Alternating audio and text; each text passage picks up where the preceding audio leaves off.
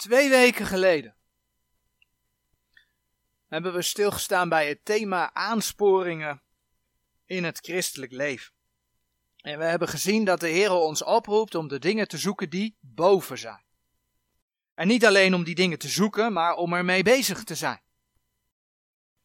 Je hart te hebben bij de dingen die boven zijn. Dus wees gericht op de Heer Jezus. Wees gericht op de hemel. Wees gericht op de schatten die je in de hemel kunt verzamelen. En de Heer laat dan zien dat je Gods vrede in je hart krijgt, onder andere omdat je begeerte niet meer uitgaat naar de aardse dingen, naar de aardse zaken, maar omdat je verlangen uitgaat naar hemelse schatten. Vorige week hebben we aan de hand van de geschiedenis van de storm op zee wat verder stilgestaan bij de Heer Jezus, die na zijn hemelvaart tot aan de opname van de gemeente als hoge priester aan de rechterhand van de Vader zit. En hij zit daar als hoge priester aan de rechterhand van de Vader om te bidden voor zijn kinderen. Hij ziet je. Hij weet wat het lijden op aarde inhoudt. Hij wil je barmhartigheid en genade bewijzen door je te helpen. En je mag elkaar vertroosten met de woorden dat de Heer Jezus, als de ongerechtigheid der heidenen vol is, dat Hij je, dat Hij ons als gemeente zal komen halen. Daar mogen we naar uitzien. Vandaag willen we opnieuw kijken naar de oproep om je hart te richten op de dingen die boven zijn. En vanmorgen willen we ons dan met name richten op de hemel. Een van de voornaamste dingen om ons ja, op de hemel te richten is natuurlijk het feit dat die hemel de woonplaats is van de Heere God. De Heer Jezus is daar. Hij is daar de hoge priester. En hij zal vandaar komen om ons te halen. Nou, we gaan allereerst een schriftgedeelte lezen, waarin we lezen over Paulus' verlangen naar de hemel. En dat vinden we in Filippenzen 1. Filippenzen 1 en dan lezen we vanaf vers 21. Filippenzen 1 vanaf vers 21. Want het leven is mij Christus en het sterven is mij gewin. Maar of te leven in het vlees, hetzelfde mij oorbaar zij, en wat ik verkiezen zal, weet ik niet. Want ik word van deze twee gedrongen, hebben de begeerte om ontbonden te worden en met Christus te zijn, want dat is zeer verre het beste. Maar in het vlees te blijven is nodiger om uwentwil. En dit vertrouwen weet ik, dat ik zal blijven en met u allen zal verblijven tot uw bevordering en blijdschap des geloofs. Opdat uw roem in Christus Jezus overvloedig zij aan mij, door mijn tegenwoordigheid wederom bij u. In de 18e eeuw, de tijd waarin Gods woord over de wereld ging en velen zich bekeerden, tijd van opwekkingen, wereldwijd was John Wesley een van de grote predikers. En ik neem John Wesley als voorbeeld, en ik zeg er bij voorbaat even bij, dat ik John Wesley als voorbeeld neem, betekent niet dat ik achter alles sta wat John Wesley gezegd of geschreven heeft. Maar John Wesley is wel een man die erachter kwam dat het om een persoonlijke keus ging. Dat je persoonlijk ja moet zeggen op het volbrachte werk van de Heer Jezus voor jouw leven. En dat is wat hij ging uitdragen. Daarom neem ik hem als voorbeeld. John Wesley werd in een kerkelijk gezin geboren. Zijn vader was geestelijke in de kerk. En zelf werd hij priester in de Anglikaanse kerk. Maar John Wesley ontdekte dat het geloof begint bij wedergeboorte. En niet bij naar de kerk gaan. En niet bij allerlei andere religieuze handelingen. Hij zag dat het niet om eigen gerechtigheid ging, maar dat je de zekerheid van het geloof krijgt in het feit dat je met je hart gelooft dat de Heer Jezus voor jouw zonde gestorven en opgestaan is. Dat ontdekte hij. En dat je daardoor dan Gods rechtvaardigheid ontvangt. En wat deed hij? Hij ging praten over zonde. En dat leidde ertoe dat hij de ene kerkgebouw naar de andere uitgegooid werd. Want ja, durf daar eens mee aan te komen bij de gevestigde orde dat ze zondige mensen zijn en dat ze de Heer Jezus moeten aannemen. Dus hij was niet meer welkom. John Wesley werd een veld- en straatprediker. Hij zocht het gewone volk. En dat heeft in die tijd ertoe geleid dat er hele grote opwekkingen kwamen. Maar nog voor zijn bekering heeft een gebeurtenis in zijn leven diepe indruk gemaakt. Hij was op zee. Hij was aan boord van een schip. En het ging stormen.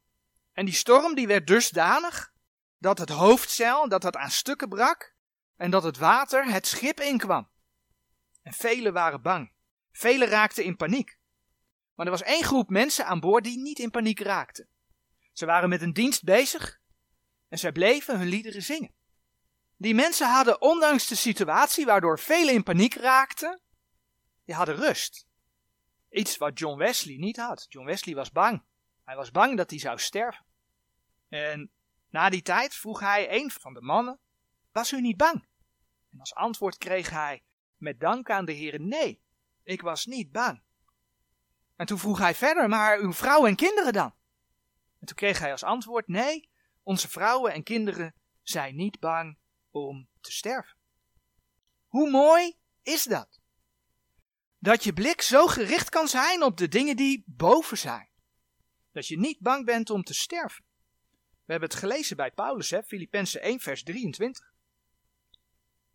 Want ik word van deze twee gedrongen, hebbende begeerte, begeerte hè, een sterk verlangen.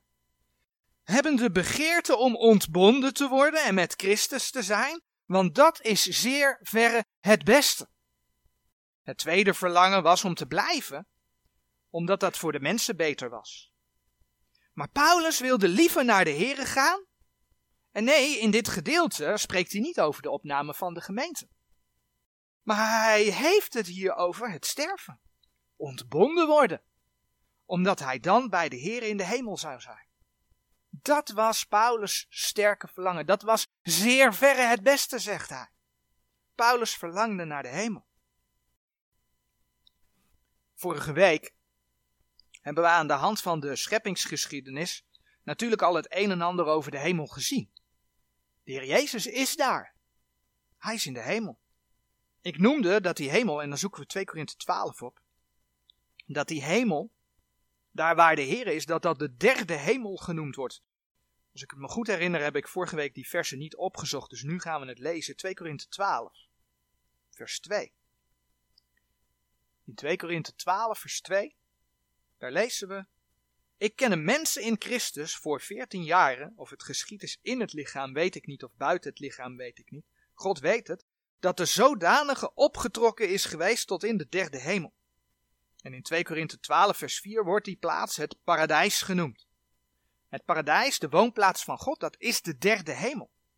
Nou, in die derde hemel bevindt zich het nieuwe Jeruzalem, het hemelse Jeruzalem. En vorige week zagen we in Hebreeën 12, vers 22 dat het hemelse Jeruzalem zich bevindt op de hemelse berg Sion. Is een berg in de hemel. Is wat zijn woord laat zien. Daarop is het nieuwe Jeruzalem. Het gaat dus om een echte plaats. Als we dan naar Johannes 14 bladeren,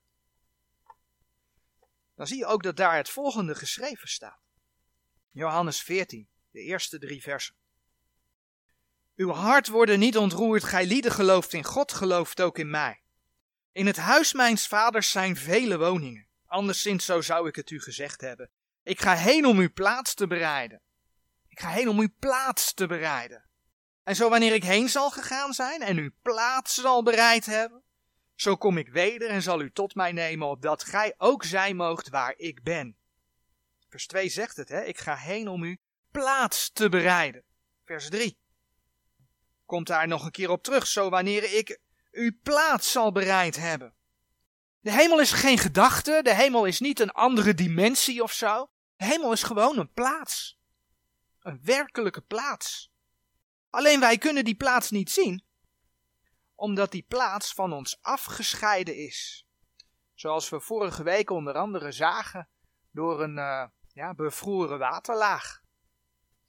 Job 37 vers 18 die de Heere voorstelt als een gegoten spiegel.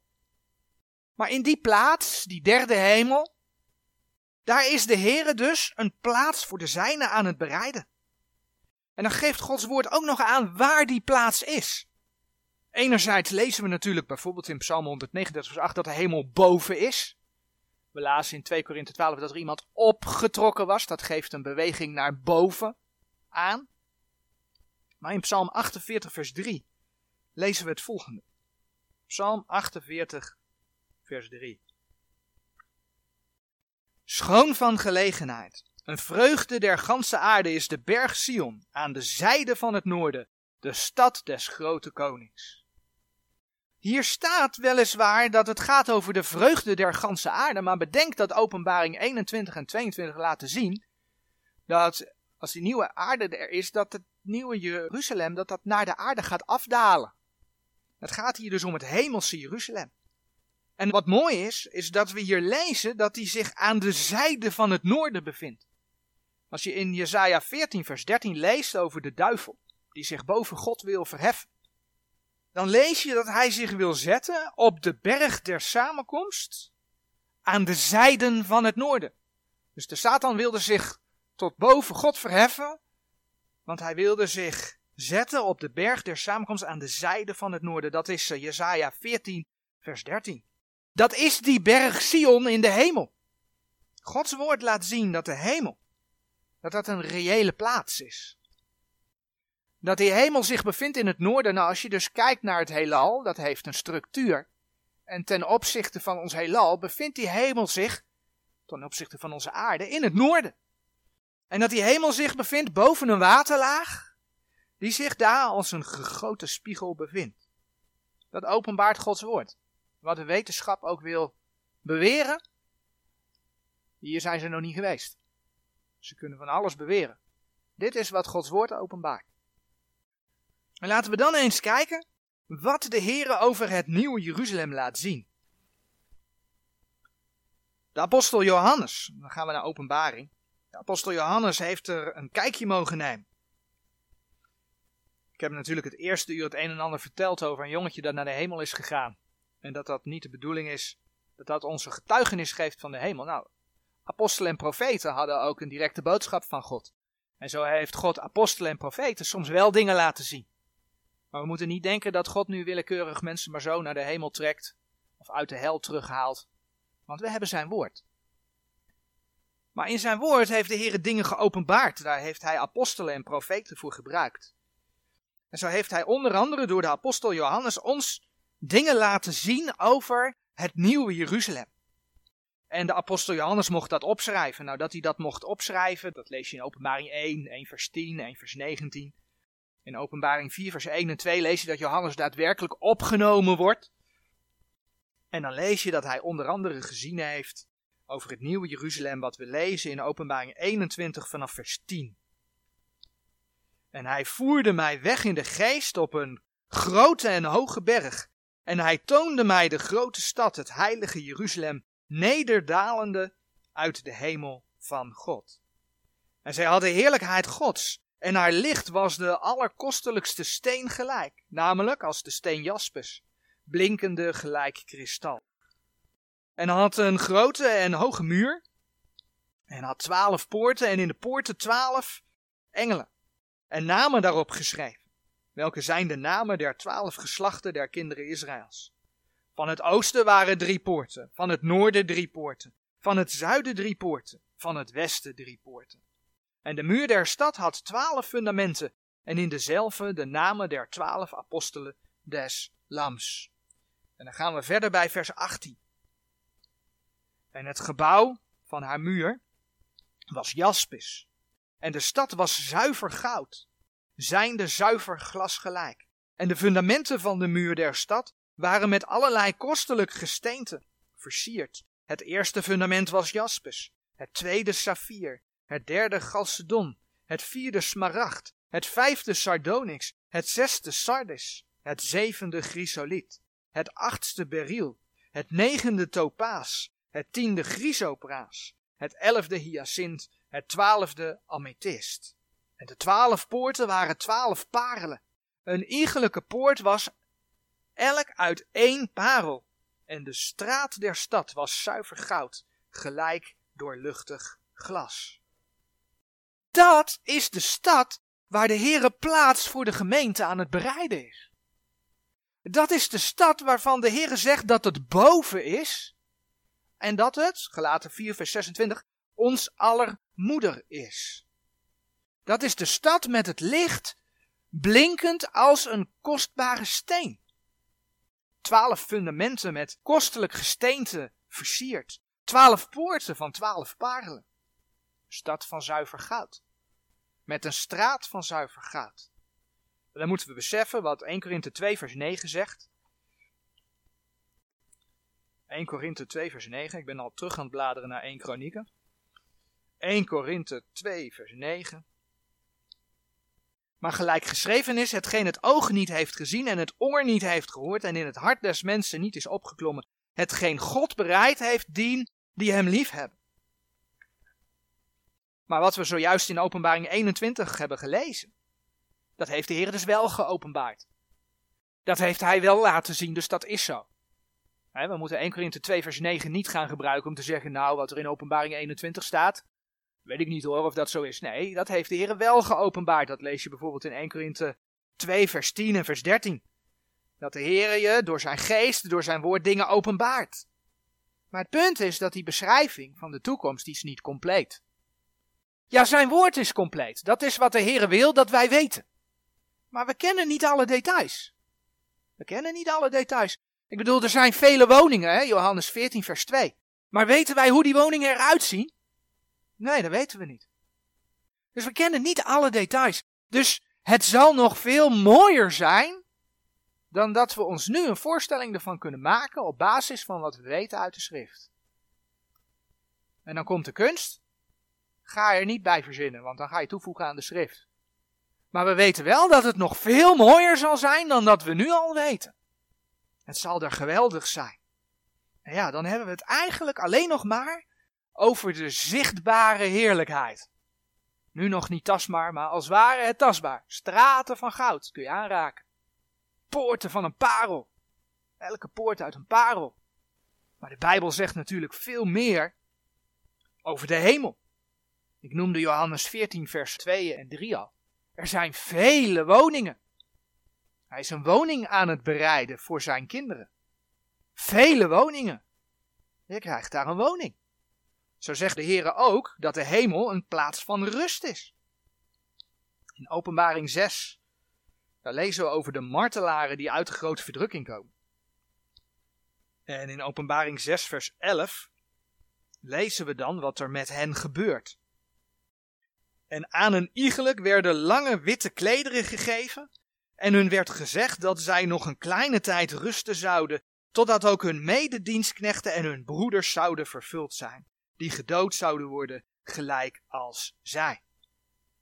Op aarde werden ze vervolgd, maar in de hemel krijgen ze rust. Daar staat dat zij nog een kleine tijd rusten zouden. En dat geldt natuurlijk niet alleen voor mensen die in de grote verdrukking vervolgd zullen worden, maar dat geldt ook voor gelovigen die nu vervolgd worden. Voor gelovigen die in het verleden vervolgd zijn, als zij bij de Here komen, krijgen ze rust. Er zal geen honger zijn. Er zal geen dorst zijn. De zon zal mensen niet meer kunnen verhitten. Dat staat in Openbaring 7, vers 16. En dan lees je in Openbaring 7, vers 17 het volgende. Want het lam dat in het midden des troons is, zal hen wijden en zal hun een leidsman zijn tot levende fonteinen der wateren. En God zal alle tranen van hun ogen afwissen. We lezen in Openbaring 21 dat de Heer in de nieuwe hemel en op de nieuwe aarde met de mensen zal zijn. We lezen dan dat het nieuwe Jeruzalem uit de hemel zal neerdalen in Openbaring 21, vers 2 en vers 10.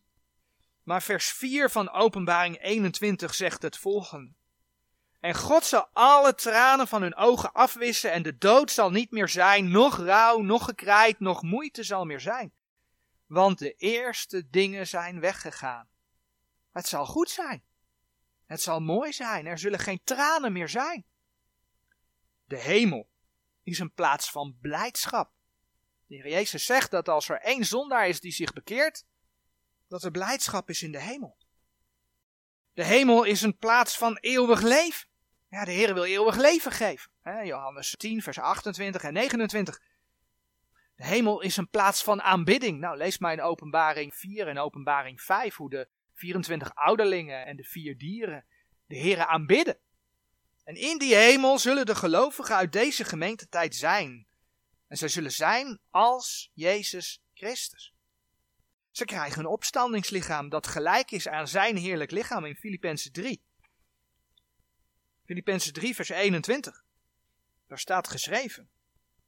Die ons vernederd lichaam veranderen zal, opdat hetzelfde gelijkvormig worden aan zijn heerlijk lichaam. Naar de werking waardoor hij ook alle dingen zichzelf kan onderwerpen. Nou, Romeinen 8 vers 29, daar staat dat ook. Dat betekent dat je een volmaakt lichaam zult hebben. Dus aan alle nood, aan alle lijden, komt een einde in de hemel. Misschien zeg je, ja, maar dat opstandingslichaam, dat komt toch pas bij de opname van de gemeente. Dat klopt. Ik bedoel 1 Thessalonicense 4 vers 16 en 17, 1 Korinthe 15 vers 52. Laten zien dat op het moment dat de Heer de laatste bazuin eh, laat horen en dat hij zal roepen en dat degenen die in Christus gegaan zijn, dat die eerst zullen opstaan en dat wij die levend overgebleven hem zullen volgen, dat we dan veranderd worden. Dan komt dat opstandingslichaam. Hoe zit dat dan? Hoe zit dat met al die mensen die al gestorven zijn? Of stel dat ik voordat de Heer ons komt halen nog overlijd.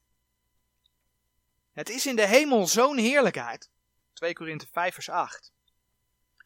2 Korinthe 5 vers 8 zegt. Het is in de hemel zo'n heerlijkheid dat Paulus in dat vers zegt. Maar wij hebben goede moed en hebben meer behagen om uit het lichaam uit te wonen en bij de Here in te wonen. Nog een keertje. Maar wij hebben goede moed en hebben meer behagen om uit het lichaam uit te wonen en bij de Here in te wonen. Dus ondanks dat je opstandingslichaam pas bij de opname van de gemeente komt, lees je dat je bij de Here inwoont, of zoals Filippenzen 1 vers 23 zegt, dat je dan met Christus bent. Je bent bij de Here. Je bent met de Here. Je mag dan rusten. Zoals we in openbaring 6 en 7 zagen. Al met al ga je zo'n heerlijkheid tegemoet, dat er in Filippenzen 1 vers 21 geschreven staat. Filippenzen 1 vers 21. Filippenzen 1 vers 21. Want het leven is mij Christus.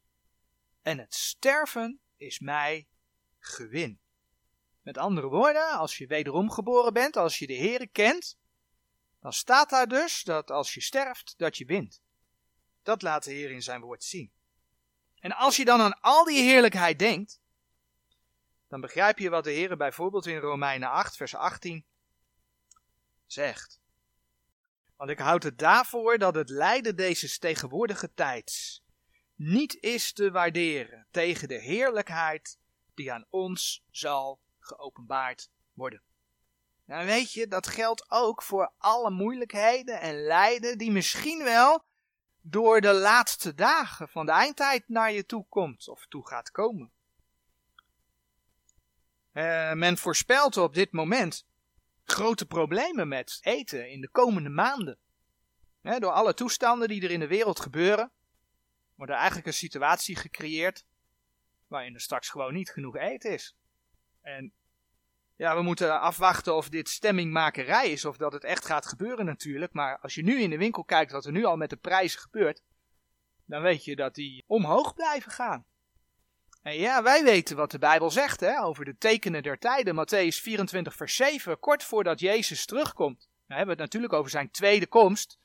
De opname zal eerder zijn, maar in de tijd voordat de Heer Jezus terugkomt, is één van de dingen is hongersnoden. Het staat gewoon in Gods woord. Dus het feit dat we dit aanzien komen is niet vreemd. Ik denk dat het gaat gebeuren, al zal het over een paar maanden niet zijn, dan wel volgend jaar of het jaar erna. De Bijbel zegt het, dus het gaat gebeuren. Wij zullen natuurlijk de Heer op een gegeven moment in de lucht tegemoet gaan. Maar wat als je als lid van de gemeente van Jezus Christus ook daar nog een stukje van zal meemaken? Dan word je opgeroepen om je hart te zetten op de dingen die boven zijn. Dan word je opgeroepen om goede moed te hebben en meer behagen te hebben om uit het lichaam uit te wonen en bij de Heer in te wonen. 2 Korinthe 5 vers 8. Want het lijden van deze tegenwoordige tijd is niet te waarderen tegen de heerlijkheid die ons zal geopenbaard worden. Je gaat zo'n geweldige heerlijkheid tegemoet. Als kind van God, houd daaraan vast, ook als het moeilijk wordt. Net als die mensen in het schip waarop John Wesley meereisde. Zij vreesden niet en eerden de Heere, ondanks de omstandigheden. Het is heel goed om je daar gezien wat de Heere zegt, dat er gaat gebeuren, om gewoon op die manier ook voorbereid te zijn. Nu zijn er mensen die zeggen dat de hel en het graf, ach ja, weet je, dat is allemaal hetzelfde. En ja, die ziel, hè. Ja, die ziel die gaat slapen. En sommigen die zeggen zelfs dat die ziel uitdooft als je sterft. En dan zijn er mensen, Jehovah's getuigen bijvoorbeeld, die zeggen dan, nou die ziel die dooft uit. Maar dan als de nieuwe aarde komt, dan maakt God die ziel weer levend. En dan mag die ziel op de nieuwe aarde leven. Maar de versen, Filippenzen 1, vers 21 tot en met 24, laten toch echt zien dat dat natuurlijk grote onzin is. We zagen al, hè, vers 21 van Filippenzen 1, dat sterven een gewin is. Nou, als je ziel uitdooft, is dat dan een gewin? Ook zegt Filippenzen 1, vers 23 dat je dan met Christus bent. En dat dat zeer verre het beste is. Nou, als je ziel dan uitdooft en dat hij dan met Christus zal zijn, is Christus soms ook uitgedoofd? En is dat zeer verre het beste dat Christus uitgedoofd is? Nee, natuurlijk niet. De Bijbel zegt dat de Heer Jezus leeft. En dat de Heer Jezus bij de Vader is. We hebben daarbij stilgestaan dat hij de hoge priester is, maar Hebreeën 7, vers 25 zegt. Waarom hij ook volkomenlijk kan zalig maken degene die door hem tot God gaan, alzo hij altijd leeft om voor hen te bidden. En wat je nou leest in Filippenzen 1, die verse, daar lees je dat je naar hem toe mag. Dus die ziel die dooft niet uit. Twee weken geleden stonden we er al bij stil dat we zeker als westerse christenen vaak flink verwend zijn. En daardoor vaak ook, ja, toch wel gericht zijn op aardse dingen. We willen het fijn hebben om ons heen. Vorige week zagen we dat wind en wolken hè, zorgen om allerlei aardse zaken ja, je af kunnen houden om iets voor de Heer te doen. Ja, en datzelfde geldt voor onze hemelse gerichtheid. Datzelfde geldt voor die geweldige toekomst die je te wachten staat. En het gevolg daarvan is dat je niet zoals Paulus gaat zeggen van, want dat is zeer verre het beste, hebben de begeerte om ontbonden te worden en met Christus te zijn. Dat zeggen we niet zo snel. Maar we moeten ons wel bedenken dat de Heer in zijn woord dan zegt, bedenkt de dingen die boven zijn. En ja, natuurlijk is dat als mens ook best wel lastig. Ik bedoel, zeker als je dan ook nog geliefden om je heen hebt. En dat mag ook best. Ik bedoel, als we kijken naar de geschiedenis van Lazarus, hè, Johannes 11, vers 35 en 36, dan staat er dat de Heer Jezus weende toen Lazarus gestorven was. Maar hij wist al wat hij ging doen. Hij wist dat hij Lazarus zou opwekken uit de dood. En toch zouden we als gelovigen de dood niet moeten vrezen. Want de Heer heeft alle dingen in zijn handen. Hij ziet je. Hij bidt voor je. Hij wil je helpen. Hij wil je helpen dragen, zagen we vorige week. En het lijden weegt niet op tegen de heerlijkheid die geopenbaard gaat worden. Die hemel is zo mooi. En het is er zo goed. Onze Heere is er zelf. Nou, dat dit alles niet een oproep is. Om dan zelf maar even uit het leven te stappen. Want ja, dat is zeer verre het beste om met Christus te zijn, toch? Nou, dat dat dus niet een oproep is om dan zelf maar uit het leven te stappen, dat lezen we in Filippenzen 1, vers 24 en 25. In die verse daar staat geschreven: Maar in het vlees te blijven is nodiger om uwentwil. En dit vertrouw ik, dat ik zal blijven en met u allen zal verblijven tot uw bevordering en blijdschap des geloofs. Paulus die gaf aan dat hij besefte dat het voor de gemeente beter is dat hij bleef. Zodat de gemeente zou groeien in het geloof. Zodat de gemeente daardoor blijdschap zou ervaren. Nou weet je, dat is vandaag de dag niet anders. De Heere is nog niet teruggekomen. Omdat hij wil dat er niemand verloren gaat. Hij wil mensen met zijn woord confronteren. De tekst die we wel vaker aangehaald hebben, 2 Petrus 3 vers 9, spreekt toch boekdelen. De Heere vertraagt de belofte niet, gelijk enige dat traagheid achter. Maar is langmoedig over ons, niet willende dat enige verloren gaan, maar dat zij alle tot bekering komen. En dat betekent dat ieder van ons ja, als een gezant van Christus een taak heeft. Help je mee het evangelie in de wereld te verspreiden. Help je mee Gods woorden nog te verkondigen. Of Gods woorden te laten verkondigen. Zodat ook anderen hun blik kunnen gaan richten op die geweldige toekomst. Op het nieuwe Jeruzalem. Want mocht je deze boodschap nu horen en je hebt die zekerheid niet, je vraagt je af, kom ik wel in de hemel? Dan moet je weten dat er maar één weg naar de Vader is en dat is door Jezus Christus. Als je met je hart gelooft dat Jezus Christus gestorven en opgestaan is en dat beleidt met je mond, dan is die eeuwige heerlijkheid ook voor jou. Laten we die versen ter afsluiting gewoon lezen. Romeinen 10, vers 9 tot en met 11. Zo eenvoudig is het. Namelijk, indien gij de samenkomst trouw bezoekt. Indien gij uw gebeden om tien uur s morgens opzegt. Oh nee, dat staat er niet, hè? Nee. Namelijk, indien gij met uw mond zult beleiden de Heer Jezus. En met uw hart geloven dat hem God uit de doden opgewekt heeft. Zo zult gij zalig worden. Zo eenvoudig is het. Want met het hart gelooft men ter rechtvaardigheid. En met de mond beleidt men ter zaligheid. Want de schrift zegt, een iegelijk die in hem gelooft, die zal niet beschaamd worden. Is het nieuwe Jeruzalem werkelijkheid voor je? Ligt je hart bij het nieuwe Jeruzalem? Amen.